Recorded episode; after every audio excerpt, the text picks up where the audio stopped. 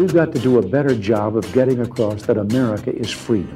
Freedom is special and rare. It's the idea held by generations of citizens who believe that America is a constant work in progress. We choose to go to the moon in this decade and do the other thing, not because they are easy, but because they are hard. And it's the people who are making America great again. We may be opponents, but we're not enemies. We're Americans. President Joe Biden gaat op zoek naar zijn eerste grote succes, terwijl zijn voorganger opnieuw in het beklaagde bankje staat wegens de opstand van 6 januari. We hebben een hoop te bespreken in deze aflevering van de Holland-Amerika-lijn. Mijn naam is Victor Pak en in Washington zit voor ons Emiel Kossen. Goedemorgen Victor, hoe is het daar? Uh, het is hier uh, een uh, wit wonderland eigenlijk. We hebben een soort winter zoals in DC geloof ik ook vaak voorkomen met strenge vorst en veel sneeuw. Hoe is het bij jou? Ik heb met verbazing zitten kijken naar hoe, hoe chaotisch het in Nederland lijkt, in Nederland lijkt rondom die sneeuwstorm van jullie. normaal gesproken zijn ze in Amerika extra oplettend en krijg je al een week van tevoren een waarschuwing doorgestuurd. Pas op, het gaat sneeuwen. Uh, dan gaat de helft van de samenleving dicht. Maar jullie lijken er nog, uh, ja, lijken nog Amerikaanser te zijn geworden. Ja, dat klopt. Al krijgen wij nog geen alerts op onze telefoon, geloof ik. Dat, uh, dat doen ze in Amerika wat vaker en wat beter in ieder geval. Maar het is inderdaad flinke winterweer. Nou, bij ons rijden de treinen gewoon nog, hè? Een klassiek zwak Nederlands puntje zou ik het maar op, ophouden. Wat ook weer aan de gang is, is een impeachmentprocedure tegen Donald Trump. De voormalige president stond een jaar geleden ook al in het beklaagde bankje in de Senaat. En nu opnieuw, alles vanwege 6 januari. Maar het wordt dit keer een heel kort proces, hè? Daar lijkt het wel op. Um, Democraten en Republikeinen in de Senaat zijn het niet over heel veel dingen eens, maar over één ding wel. Um, deze impeachmentzaak uh, die moet niet al te lang duren. Uh, dat komt vooral omdat, um, ja, omdat uh, het erop lijkt dat de uitslag vaststaat. Democraten die stemmen allemaal voor, een handje voor Republikeinen waarschijnlijk ook, maar een tweederde meerderheid om Trump nog eens een trap na te geven uh, door de impeachmentzaak. Ja, dat lijkt er niet in te zitten. En dus waren McConnell en Schumer, uh, de twee uh, leiders in de Senaat, het met elkaar eens dat het ja, misschien een weekje zal duren, deze procedure. Um, dat is heel anders dan, dan de vorige. destijds, vorig jaar, over, um, over de zaak Oekraïne. ja, daar ging het, ging het weken over in Washington. Maar um, ja, op dit moment is er weinig politieke wil om er weer een heel lang slepend proces over te maken. over een president die helemaal geen president president meer is. Wat die impeachment allemaal doet, vooral voor, voor de Republikeinen, gaan we het aan het eind van deze podcast over hebben. We gaan eerst even kijken naar president Joe Biden. Hij is voortvarend begonnen aan zijn presidentschap. Laten we maar beginnen met wat er tot nu toe goed gaat voor de president.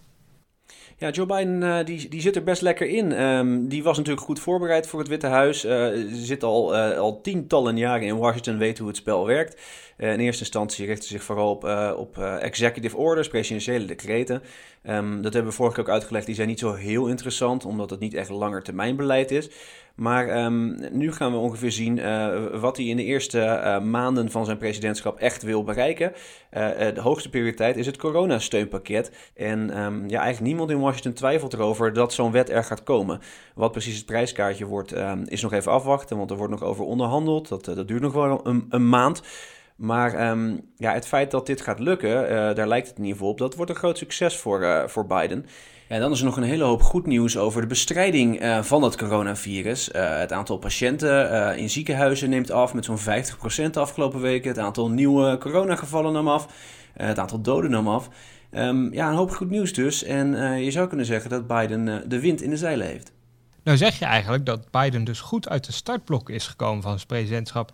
Maar dat is ergens ook opvallend, want toen hij nog geen president was, zo rond de jaarwisseling, toen hoorden we democraten steen en been klagen over de verschrikkelijke voorbereiding die Joe Biden toch wel niet had.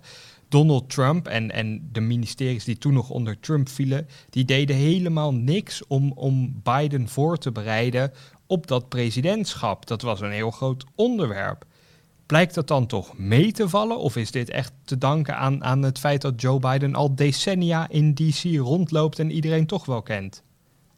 Nou ja, we zitten nog echt in de uh, beginnende fase van zijn presidentschap. Een hoop ministersposten zijn nog niet ingevuld. Um, die ministeries die moeten, nog, uh, die moeten echt nog wel op gang komen. Ehm, wat dat betreft is het even afwachten in hoeverre um, dat deel van het Washingtonse systeem al werkt. Maar um, je kan inderdaad zien dat Biden weet hoe de politiek werkt. En um, dat hij dus heel snel uh, het, het, het, benodigd aantal stemmen uh, heeft voor zo'n corona-steunpakket. Uh, dat zegt wel wat over, over de kwaliteiten van Biden. Um, wat betreft die, die overgangsperiode waar Trump niet zou hebben meegewerkt om, ja, om, om dus de, de Biden-kabinetsleden een beetje voor te bereiden. Ja, daar zit ook weer een deel politiek in. Um, natuurlijk, op het moment dat er iets van een, een, een, een obstakel was, dan gingen die democraten meteen naar de media toe. En ja, berichten die media daar groot over. Um, dat is even afwachten, maar het zou best kunnen blijken dat dat een beetje over de top was. Voor Biden was het coronavirus en het weer aanzwengelen van de economie cruciaal. Dat coronasteunpakket, dat zei, daarvan zei je dat het over grofweg een maand wordt aangenomen. Ze zijn nu dus nog aan het debatteren. Heb je al een idee wat daarin komt te staan? Um, ja, en dat komt vooral omdat de Democraten van plan zijn um, het als partij uh, door het congres uh, te duwen. Um, dus met meerderheden in de Senaat en het Huis van Afgevaardigden. Biden heeft een, een plan naar buiten gebracht ter waarde van 1,9 biljoen dollar. En ja, dat bestaat uit een aantal onderdelen. Uh, er gaat uh, uh, veel geld naar vaccinaties, um, naar de logistiek rondom die vaccinaties. Dus dat geld gaat naar de staten toe. Dan is een, een hele smak geld dat de staten krijgen om zelf uit te geven. dat, dat komt omdat veel staten zeggen dat ze minder belastinginkomsten hebben gehad het afgelopen jaar. Um, en dan zijn er nog de, de persoonlijke checks. Um, Joe Biden die had beloofd om 2000 dollar naar um, zo'n beetje elke middenklasse Amerikaan uh, te sturen. Uh, eh, 600 dollar daarvan is nog onder Trump uh, verstuurd. En um, hij, hij, probeert nu die laatste 1400 dollar um, ook te sturen. Je zegt nu die, die laatste 1400 dollar daaruit maak ik op dat je bedoelt dat Trump ook al eens had gezegd dat er zo'n 2000 dollar naar, naar, naar de Amerikaanse belastingbetaler moest gaan als, als duwtje in de rug in deze barre tijden. Daar was onder Trump net geen meerderheid voor. Nu probeert Biden dat wel voor elkaar te krijgen. Maar wie stribbelt nou nog tegen? Want je zou zeggen dat als Trump het al steunde, dat de Republikeinen het ook misschien wel een goed idee vinden. Ja, het is een, een rare discussie eigenlijk, um, die stimulus checks. Want um, als je uh, kijkt vanuit uh, puur economisch opzicht, um, is het misschien niet het beste beleid om, uh, om zo'n beetje de helft van het land 2000 dollar te sturen. Zeker als je weet dat heel veel Amerikanen, de grote meerderheid, gewoon een baan heeft behouden, um, van het huis kan werken, et cetera. En dus helemaal niet zoveel last heeft van, van het coronavirus wat dat betreft. We hebben ook gezien bij de afgelopen ronde aan checks dat heel veel Amerikanen dat geld gewoon op de, de spaarrekening hebben gezet. Ja, en dan heb je er dus eigenlijk als land niet zo heel veel aan um, als je die economie wil weer aanzwengelen. Om, um, ja, om mensen maar gewoon checks te geven die ze dan misschien helemaal niet uitgeven. Um, vandaar dat er nu ook wel een discussie is of die checks misschien niet alleen moeten worden gestuurd naar lage inkomens. Um, laag in Amerika is onder de 50.000 dollar. Um, daar debatteren de Democraten met elkaar over. Want wat ik zei, uh, de Democraten denken dat pakket zelf te kunnen ja, te kunnen goedkeuren met alleen democratische stemmen. Um, het lastige natuurlijk is dat het klinkt nogal fijn hè, om, uh, om, om geld te sturen aan kiezers. Hoe kun je daar nou tegen zijn? En, en dus denk ik, uh, schat ik in, dat uiteindelijk die checks gewoon naar Amerikanen met inkomens tot 100.000 dollar gewoon worden verstuurd. Nou zijn er in Nederland ook binnenkort verkiezingen, maar hier heeft nog niemand helaas zo'n plan geopperd. Nou, jullie hadden natuurlijk de, zorg, uh, de zorgchecks. Uh, wat dat betreft uh, een, een, stuk meer getarget, maar toch een beetje hetzelfde idee. Ja, dat is het, hetzelfde idee. Maar als die, die checks, hè, dat, dat moet dan wat meer gericht zijn, dat is de wens. Krijgen de Democraten dan ook bijval van de Republikeinen? Want nu staan de meeste Republikeinen met een opgeven vingertje klaar dat het wel heel veel geld is, dat, dat totale pakket van Biden. Zou, zou die meer gerichte aanpak die jij beschrijft die Republikeinen dan over de streep kunnen trekken? Dat zou kunnen. Um, de reden waarom er nu niet zoveel aandacht voor is, is dus omdat de Democraten uh, het met elkaar kunnen beslissen. Um, dus ze hebben geen Republikeinse stemmen nodig. Is natuurlijk wel lekker, politiek gezien, voor Joe Biden. Als um, zo'n wet er uiteindelijk komt uh, en er in de Senaat, nou ja, zeg, uh, tussen de vijf en tien Republikeinen meestemmen, dan kan je daarna zeggen: het is een bipartisan wet. Um, dus Joe Biden zou dat nog wel willen, maar het is niet de hoogste prioriteit. De Democraten willen er met elkaar uitkomen, hebben ze besloten. Ik moet wel zeggen dat die Republikeinen best wel een goed argument maken. Natuurlijk is dit het argument dat je maakt als oppositiepartij. Ho, ho, het is wel heel veel geld, moeten we niet letten op, het, uh, op de overheidsbegroting. Maar een aantal van die plannen, zoals die checks, um, ja, het is maar de vraag of dat nou economisch zo zinvol is. Als echt die doel is om de Amerikaanse economie er bovenop te helpen, ja, dan, dan moet je misschien niet denken aan die checks. Dan moet je ook niet denken aan het geld naar de staten. Want um, als je echt kijkt naar de getallen per staat. Uh, het, het, het, het, overgrote deel van de Amerikaanse staten heeft het financieel helemaal niet zo slecht gedaan het afgelopen jaar. En dat had dan weer te maken met die stimuluschecks, waardoor, um, uh, ja, waardoor de, de belastinginkomsten toch hoger waren dan ze in eerste instantie uh, in, hun, in hun doemscenario schetsten. Dus er is best wel wat aan te merken op dat, op dat plan van Biden van 1,9 biljoen. En um, ja, een van die onderdelen is al gesneuveld. Dat was een, een, een, een sterke verhoging van het minimumloon. En dat is vooral gesneuveld doordat de Democraten er onderling niet uitkwamen. Hoe, hoe zag die interne discussie eruit? Nou ja, het plan um, uh, was om het minimumloon naar 15 dollar per uur te verhogen. Uh, dat is al langere tijd een van de, um, van een van de standpunten van de Democratische Partij. En Biden hoopt het in deze, um, in deze begrotingswet erbij in te, te stoppen. Dat is politiek gezien lastig, omdat dit uh, eigenlijk een, een wet op zichzelf is. Het is niet, heeft niet direct te maken met de Amerikaanse overheidsbegroting. In de Democratische Partij uh, was wel degelijk wat oneenigheid over dat bedrag, um, over die 15 dollar. Uh, en ook daar is wel wat voor te zeggen. Uh, Joe Manchin, de, de conservatieve senator uit West Virginia, die, um, die wil eigenlijk niet naar 15 dollar. Hij komt uit West Virginia, dat is een arme staat, relatief. En 15 dollar is daar een hele hoop geld, 15 dollar per uur. Um, ja, dat is heel anders als je in Washington woont en werkt. Dan is 15 dollar eigenlijk uh, uh, misschien nog helemaal niet genoeg om van te leven. En dus um, zeggen mensen zoals uh, als Mansion, we moeten dat getal niet naar 15 brengen, maar um, ja, per staat verschillend. En ja, daar heeft hij eigenlijk wel een punt. Dat geven andere democraten ook toe. Dit lijkt een, een, kwestie te worden van de lange adem. er kan uiteindelijk een wet komen over maanden, misschien wel jaren, voor een hoger minimumloon. Um, daarbij zouden ook republikeinen aan boord moeten komen. En um, dan zie je waarschijnlijk iets van een systeem waarbij, uh, ja, waarbij je wel een hoger minimumloon hebt, maar niet 15 dollar, iets lager dan dat. En dat staten zelf kunnen beslissen hoe hoog hun minimumloon dan wordt. En is Biden nou heel triest om, om het sneuvelen van dat plan van dat minimumloon, of vindt hij het eigenlijk wel best? Nou ja, hij zag het wel aankomen. Um, hij zet het in dat plan van 1,9 uh, biljoen. En daarna, uh, eigenlijk een, een, een, week erna, kwam hij op tv vertellen dat de kans dat het er doorheen komt niet zo heel groot is.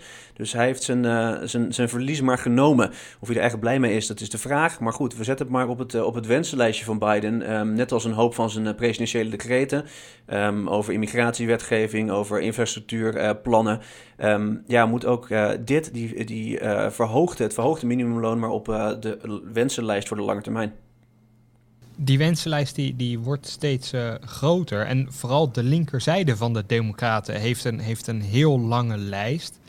Maar tot nu toe, ook in die, die, uh, ja, de, dat grote corona-steunpakket van 1900 mil, miljard dollar. Het is een gigantisch duizelingwekkend bedrag. Daar, heel veel wensen van die linkerzijde worden niet verwezenlijkt daarin hoe lang kan, kan Biden die, ja, bal, dat balanceertrucje, koordansen als het ware, volhouden? Ja, dat is de million dollar question. Hoe lang kan hij het volhouden? Uh, tot dusver um, gaat het oké. Um, er is geklaag uh, vanuit uh, de linkerzijde van de partij. Um, mensen zoals AOC, mensen zoals Bernie Sanders. Maar het, het, valt nog te bezien tot nu toe. Het is natuurlijk het begin van, van zijn presidentschap. Dus het was in de eerste weken. Op lange termijn blijft het een probleem. wordt het misschien een steeds groter probleem. Iemand die daarvan nu al de druk ondervindt is Chuck Schumer, de democratische leider in de Senaat ja, die wordt van alle kanten onder druk gezet om, uh, om toch wat uh, meer progressieve plannen naar voren te schuiven. En als hij dat niet doet, krijgt hij misschien een, uh, een, een, uitdaging in de voorverkiezingen in 2022.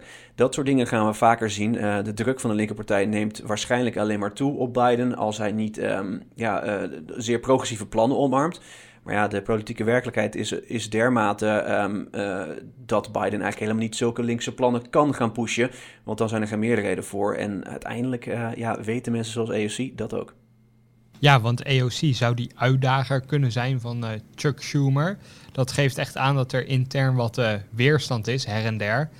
Het grote voordeel voor Biden is wel dat zolang hij een soort gematigde koers blijft varen, die ook wel redelijk de steun van het Amerikaanse publiek behoudt. Als je kijkt naar opiniepeilingen over dat beleid van Biden, dan is het eigenlijk allemaal, ja, wel, wel tevreden is iedereen ermee. Een grote meerderheid steunt de plannen. Is dat niet juist een, een bewijs dat Biden voor die gematigde kant zou moeten kiezen? En wat weerstand moet bieden aan de, aan de uiterst linkervleugel?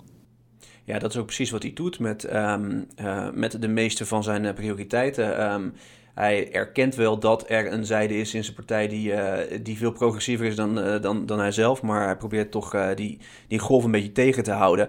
Um, hij doet het inderdaad best aardig. Ook zijn, zijn rapportcijfers van de gemiddelde Amerikaan, de approval rating, die ligt hoog. Die ligt ruim boven de 50%. Um, vooral zijn, um, zijn negatieve cijfers liggen, liggen laag, zeker in vergelijking met, met Donald Trump. En dus ja, zal Biden daar, daar vertrouwen uithalen voor, voor de komende tijd. Nou, hebben wij het nu vooral over die, uh, dat corona-steunpakket. Wat zijn nou andere prioriteiten van de, van de president? Op dit moment even uh, niks. Dat klinkt misschien raar, maar we hebben een weekje, weekje impeachment te pakken. Um, daarin uh, weet Biden dat hij vrijwel geen aandacht gaat krijgen. Um, hij gaat zich er ook niet over uitlaten. Hij, hij, houdt zich op de achtergrond bezig met het corona-steunpakket. Um, wat ik zei, dat duurt nog wel een maand. Kijk, daarna wordt het interessant. Dan moet, hij, moet hij echt een, een lijst met plannen gaan, gaan bedenken daar kan je bij denken aan infrastructuur, aan een grote, een groot stimuluswet wat dat betreft. En er zijn een hoop milieuplannen die, die Biden er doorheen wil, wil krijgen. Daar gaat een hele hoop tijd overheen. Um, en ik denk dat, die, dat zijn team nu aan het uh, overwegen is uh, wat het handigste is om, om eerst een onderwerp te doen zoals infrastructuur, waar Republikeinen ook kunnen meewerken. Of ja, nu al milieu te gaan doen, of die twee aan elkaar te koppelen. Dat kan natuurlijk ook. Nou, hij ziet dus goed uit de startblokken wat dat betreft. En je, je noemde al ook zijn approval rating, die op zich wel netjes was. Mij viel daarin wel op dat, dat de zogenoemde honeymoon fase van een presidentschap, vrijwel iedere president heeft die. Nadat, nadat hij het ambt betreedt, dan, dan is eigenlijk iedereen fan van je en je hebt weinig haters. Dat is eigenlijk al decennia zo. Maar je zag dat bij Trump al verschuiven en nu bij Biden ook ze hebben allebei wel een, een in orde approval rating, maar er zijn ook een hele hoop mensen die het, die het nu al niks vinden. Bij Trump was het 45, 45. Bij Biden ligt het dan zo rond de 57, 38. Dat is toch een vrij forse mate van afkeuring die, die Biden nu al te pakken heeft, om het maar zo te noemen. Komt dat nou gewoon door de polarisatie of, of heeft dat nog een andere reden? nou ja, laten we niet uh, vergeten hoe uh, de afgelopen verkiezingsrace, hoe het eraan toe ging. Hè? En um, ja, uh, op 6 januari waren er nog duizenden mensen bereid om in Washington um, het kapitool aan te vallen, omdat de verkiezingen zogenaamd waren gestolen. dat zie je natuurlijk terug. Er is een deel van Amerika dat nog steeds weigert te geloven dat Joe Biden heeft gewonnen. ja, dan kan je natuurlijk moeilijk hem een positief rapportcijfer gaan geven. Dat gaat waarschijnlijk niet zo snel gebeuren. Er zijn grote delen van het land die vanaf moment één hebben gezegd: nee, Biden, dat, dat, dat wordt helemaal niks. Maar um, juist in dit gepolariseerde landschap, om een approval rating te krijgen van 58% ongeveer, um, dat is eigenlijk helemaal niet zo slecht. dat betekent dus dat er ook een aanzienlijk deel is van de Republikeinen, die, um, de Republikeinse kiezers, die nu zegt, tot nu toe, heeft Biden het prima gedaan. Dus ik zou er vooral een positieve uh, boodschap uithalen. Maar ja, het klopt. Uh, de honeymoon-periode, zoals we zagen, uh, nou pakweg 20, 30 jaar geleden, die is er niet meer. Waar je misschien wel een beetje ziet, is, is de behandeling van de media van Biden. Want Biden wordt met, met kid gloves aangepakt, zoals de Amerikanen hier zeggen. Weinig kritische vragen. En um, eigenlijk alleen Fox News is, ja, is, is uiterst kritisch op, op Biden tot nu toe over positieve noten. We hebben tegenwoordig weer een nieuwe rubriek in de podcast. Dus laten we snel luisteren naar Amerikanist Koen Petersen. Hi, Barack Hussein Obama. Hi, George Herbert Walker Bush. William Jefferson Clinton. Do solemnly swear. De presidenten van Petersen. So help me God. In april 1865 werd de Amerikaanse president Abraham Lincoln in een theater in Washington vermoord. Op zichzelf is dat natuurlijk al een schokkende en bijzondere gebeurtenis. Maar wat het nog bijzonderder maakte, was dit ook tegen het einde van de Amerikaanse burgeroorlog gebeurde. En de spanning in Washington eigenlijk nog veel groter was dan normaal. Die burgeroorlog was in 1861 uh, begonnen toen zuidelijke staten uit de Unie stapten omdat zij de slavernij wilden behouden en de noordelijke staten dat wilden afschaffen. En 700.000 slachtoffers later was de burgeroorlog min of meer beëindigd. Het noorden had gewonnen en de Verenigde Staten werden zonder slavernij hersteld. Om ook in politieke zin die eenheid verder na die traumatische gebeurtenis in de hand te werken, besloot de Republikein Lincoln om een kandidaat van de andere politieke partij, van de Democraten, als running mate aan te stellen, als kandidaat voor het vicepresidentschap. En zo kwam Andrew Johnson in beeld, de man die gouverneur was geweest van Tennessee en daarna ook nog senator voor diezelfde staat. Wat Johnson in die context bijzonder maakte, was dat toen de zuidelijke staten de Unie verlieten en ze hun politici uit Washington terugtrokken, uh, dat deze Johnson besloot om in Washington te blijven en zijn senaatzetel niet op te geven. Hij was voorstander van de Unie, zei hij, iets wat in het noorden natuurlijk op veel instemming kon uh, rekenen. En daarnaast vond hij dat hij vanuit Washington ook de belangen van zijn staat veel beter kon behartigen dan vanuit de thuissituatie. Maar deze Johnson werd wel eigenlijk door deze hele situatie voor een praktisch onmogelijke opgave geplaatst. Op de eerste plaats moest hij een groot president, Abraham Lincoln, opvolgen. Op zichzelf al heel lastig. Maar daarnaast moest hij ook invulling gaan geven aan de periode na die burgeroorlog. Om de Verenigde Staten weer één geheel te maken. En hoe dat moest, er werd eigenlijk op twee manieren naar gekeken. Aan de ene kant had je een groep mensen die zeiden van ja, weet je wat, die zuidelijke staten zijn eruit gestapt. Die moeten hard worden gestraft voordat ze weer uh, terug mogen in de Unie en voorwaardig lid mogen zijn.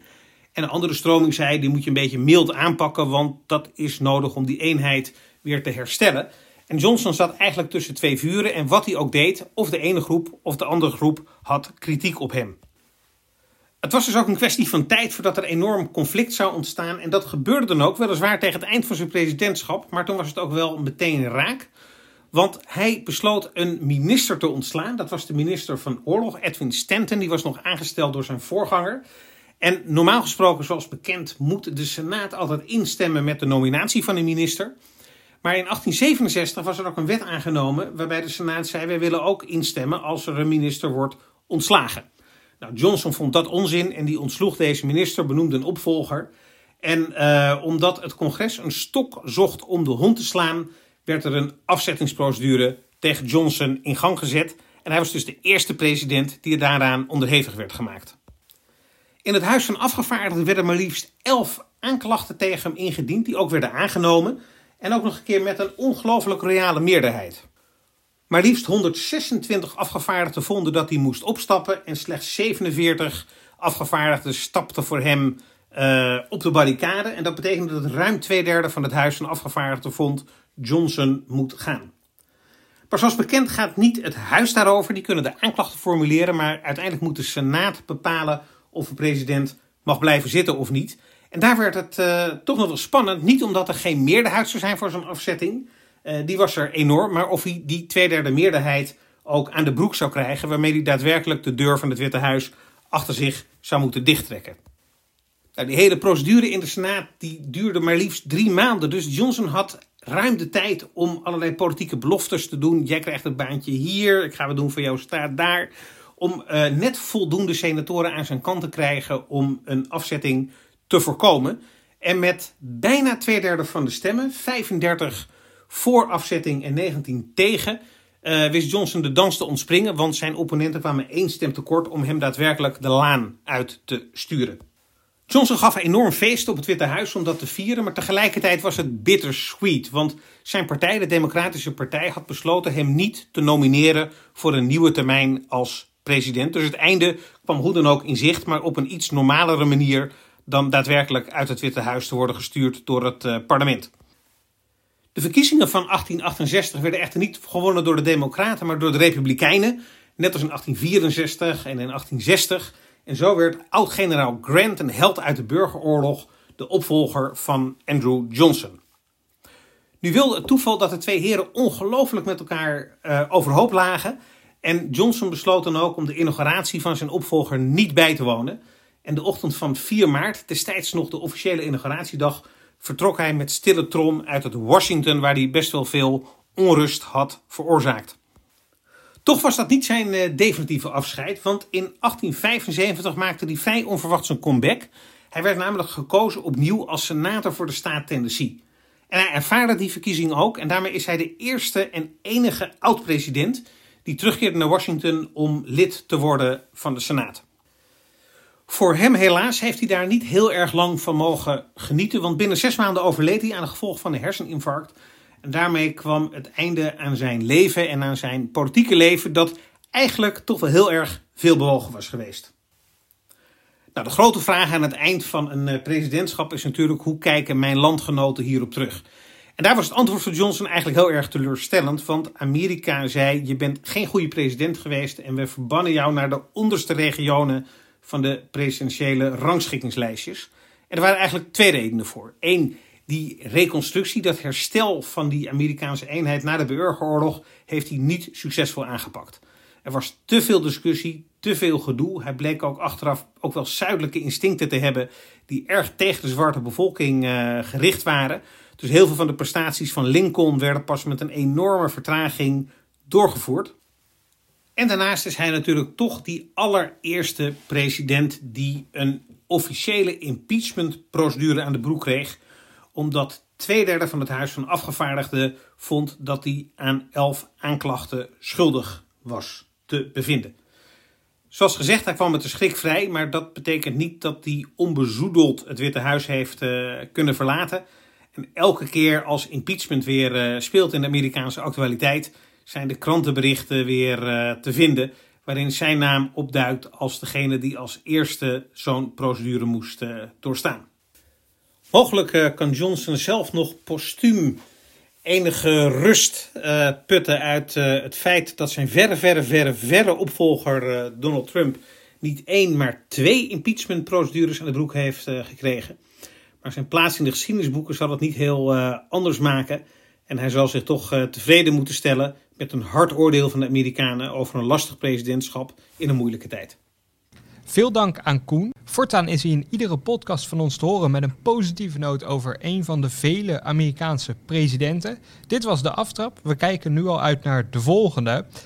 Wij gaan verder met de podcast en we hadden het al een beetje aangekondigd. Trumps impeachment die, uh, die snijdt als een mes door de Republikeinen heen. Er wordt wel gesproken over een civil war binnen de Grand Old Party. Ja, waar, waar te beginnen, Emiel. Het, uh, het is een beetje een puinzooi als ik het nog netjes uitdruk. Een beetje op zijn Rotterdams? Ja, eigenlijk wel ja. Het is, het is een soort versplintering van de partij. Er zijn groepjes die vinden dat de oud-president direct veroordeeld moet worden door de Senaat. En ook niet meer, uh, ja, eigenlijk het liefst nog verbannen moet worden uit de, uit de Republikeinse partij. Anderen zijn nog steeds idolaat van, van Trump en, en hopen maar dat hij in 2024 weer de kandidaat wordt. Is dit nog een beetje bijeen te brengen? Nou ja, um, het, het, het, overgrote deel van de Republikeinse Partij, um, zeker in het Huis van Afgevaardigden, um, is gewoon nog op de hand van Donald Trump. er is inderdaad een factie uh, in beide kamers, in het Huis en in de Senaat, uh, van de Republikeinen die zeggen: oké, we moeten van Trump af, we moeten hem veroordelen. Maar nee, het, het, overgrote deel van de Republikeinen lijkt zich toch weer achter Trump te scharen. zijn die twee uh, groepen bij elkaar te brengen. Nou ja, dat hebben we afgelopen week kunnen zien dat dat misschien toch wel kan. Um, er waren twee kwesties tegelijkertijd binnen de Republikeinse Partij. Um, je had het QAnon-congreslid Marjorie Taylor Greene, die um, nou ja, zulke gekke uitspraken deed. Uh, je, kan ze bijna zelf niet bedenken. Van, van laserstralen uh, van Joodse mensen die, die bosbranden veroorzaken tot uh, 9-11 dat niet bestaat. Um, dat was een van de kwesties. Wat moeten we precies met het QAnon-congreslid? Aan de andere kant uh, um, werd er een discussie gevoerd over Liz Cheney. Dat is een, uh, een vrij conservatief congreslid, een, uh, een leidend figuur in het Huis van Afgevaardigden. Um, ja, die wil juist van Trump af. Die had gezegd dat ze voor impeachment zou stemmen. En pardoes kreeg ze heel veel kritiek van republikeinse collega's. Die kwesties die speelden zich tegelijkertijd af. En uiteindelijk was het Kevin McCarthy, de leider in het Huis van Afgevaardigden, ja, die eigenlijk een soort uh, positie in het midden uh, aannam. Hij wilde Green niet straffen en hij wilde Liz Cheney uh, haar plek laten behouden. Oftewel, op die manier probeert hij, ehm, ja, probeert hij toch die twee groepen binnen de Republikeinse Partij, die echt heel verschillend van elkaar zijn, bij elkaar te houden. Maar, maar was dat nou echt actief bij elkaar houden? Of is dat meer, nou, ik doe, maar, ik doe maar niks en dan hoop ik dat het een beetje bijeen blijft? Er zijn toch nog steeds vrij fundamentele verschillen. En, en zo'n Green, dat gaat verder dan alleen maar QAnon aanhangen. Ze heeft van alles in twijfel getrokken, van 9-11 tot aan school shootings. Die bom gaat dan toch alsnog een keer barsten? Nou ja, de kans dat Green zich nog een keer ehm, gek uitlaat, uh, ja, die is, uh, die is enorm. Um, maar goed, uh, als je echt gaat kijken naar um, het beleid dat al deze congresleden binnen de Republikeinse Partij voorstaan, ja, dan zijn de verschillen misschien weer een stukje minder groot. Volgens mij ligt het vooral aan, aan, aan wat Donald Trump precies gaat doen, wat zijn rol blijft binnen de partij. Want ja, hij is het figuur dat deze twee groepen uit elkaar drijft. Als Trump van het toneel verdwijnt, ja, dan, um, dan kan je je voorstellen dat uh, de congresleden zoals Cheney en Green toch bij elkaar gaan zitten en een, uh, een, een, pad voorwaarts bedenken met elkaar. Um, er zijn natuurlijk altijd grote verschillen binnen zo'n partij. De Freedom Caucus binnen de Republikeinse Partij die de Tea Party voortbracht. Die, um, die heeft altijd samen ingezeten met mensen zoals Mitt Romney, die heel ander een soort beleid voor, voorstaan. Het grote probleem nu is natuurlijk Donald Trump. Ja, het, het feit dat Donald Trump nog steeds de informele leider is, dat splitst de partij. En dus is het afwachten wat er met hem gebeurt, uh, om te kijken wat er met de rest van de partij gebeurt. En als we het dan hebben over wat er met Trump gebeurt, gaat het dan vooral over impeachment of meer dat Trump nog eens een keer een, uh, een interview gaat geven of, of iets dergelijks of een boek schrijft, je weet het niet? Nou goed, in eerste instantie gaat het om impeachment en om de stem in de Senaat. Uh, waarschijnlijk gaat een handvol Republikeinen voor veroordeling stemmen. Mensen als Mitt Romney, Lisa Murkowski. Um, op de lange termijn gaat het erom dat uh, Trump uh, zijn invloed kan uitoefenen op de partij. Op, um, op voorverkiezingen, op, op, op relletjes, op, op, op beleidsplannen. Trump die kan zich natuurlijk gewoon uiten. Um, dat is hij ook van plan, zegt hij. En het is natuurlijk afwachten of we erachter komen wat Trumps eigen politieke plannen zijn. Uh, want de kans dat hij door impeachment um, uh, nooit, meer, uh, nooit meer politiek ambt mag bekleden, die is heel klein. En dus zou hij theoretisch in 2024 weer mee kunnen doen. Nou is het niet heel logisch dat hij dat snel bekend zal maken. Maar als hij dat dus niet doet, dan blijft zijn schaduw over die partij heen hangen. En um, dat gaan we op elk thema terugzien. Over die impeachment praten we een beetje gemakzuchtig, haast. Um, vooral omdat we al denken dat de uitslag vaststaat. Ik schat zelf dat misschien zo'n zo'n tien republikeinen ongeveer ervoor zullen stemmen. Nou ja, dan, dan zit je altijd nog zeven personen te weinig. Toch is het belangrijk, waarom wordt Trump nou alsnog geïmpeached? Ja, zo'n goed punt dat je maakt. Dat zie je ook in heel veel van de verslaggeving hier. Um, het gaat er heel erg om, om um, het, politieke, het politieke deel ervan. Uh, wie stemt voor, wie stemt tegen. Um, en, en dan wordt er inderdaad vaak gezegd: oké, de kans dat Trump echt wordt veroordeeld is heel erg klein. Maar um, ja, de achterliggende reden is natuurlijk eigenlijk veel belangrijker om over te praten. President dat het zou scheppen, um, dat een president een opstand kan aanwakkeren uh, door een speech te geven, uh, mensen op te roepen naar het congres te gaan omdat de verkiezingen zouden zijn gestolen. Um, en daar dan later geen straf voor krijgen. Uh, dat is een, een, een heel slecht president. Dat zou in een uiterst geval kan je dus zeggen dat een president in zijn laatste weken als, als president van alles kan maken. Want uh, ja, impeachment komt er toch niet van. Dat is natuurlijk de grote principiële reden, uh, reden waarom we in dit proces zitten. Om um, ja, het Amerikaanse volk in ieder geval te laten zien dat dit gedrag, dit soort gedrag, niet acceptabel is. De steun voor, voor de impeachment van Trump, wat uiteindelijk het, het, het is geen afzettingsprocedure meer, want Trump die is al weg. Het is hooguit het, het verbieden dat Trump ooit nog eens een politiek ambt bekleedt. Die, die, dat hele proces, de, de, het verweer van Trump is van ja, weet je, ik ben al weggestemd, of het, het verweer van zijn advocaten. Dus deze hele procedure is ongeldig. Het is onconstitutioneel, zoals ze dat dan zeggen. Dat wordt heftig betwist door allerlei wetenschappers en door de Democraten niet te vergeten. Ja, dat is overigens nog best een lastige discussie. Uh, de grondwet is er helemaal niet zo duidelijk over. Maar um, ja, de reden waarom we deze discussie voeren, uh, de discussie over uh, Trumps gedrag, is natuurlijk hoe, ja, hoe gestoord het was. dat er duizenden mensen het, het kapitool binnenstormen. En um, ja, dat valt een beetje weg als alle republikeinen het gaan hebben over de vraag of het wel grondwettelijk oké is om, om dit proces te hebben. Toch zijn er dit keer wel meer Republikeinen dan de vorige keer die, die voor, de, ja, voor de veroordeling van, van Trump gaan, gaan stemmen. gaat dat dan nog een beetje effect hebben dat dat Amerikaanse publiek ook gaat inzien dat zoiets als 6 januari totaal absurd is en ook niet meer zou moeten voorkomen? Nee, je mag hopen dat inderdaad de meeste Amerikanen dat, dat, dat denken. Ehm, daar ga ik gemakshalve ook maar van uit. Uh, in peilingen laten, peilingen laten altijd nog zien dat er uh, nou ja, 20, 30 procent zegt dat uh, Biden niet echt heeft gewonnen. Um, dat Trump niet echt verantwoordelijk was voor die rellen.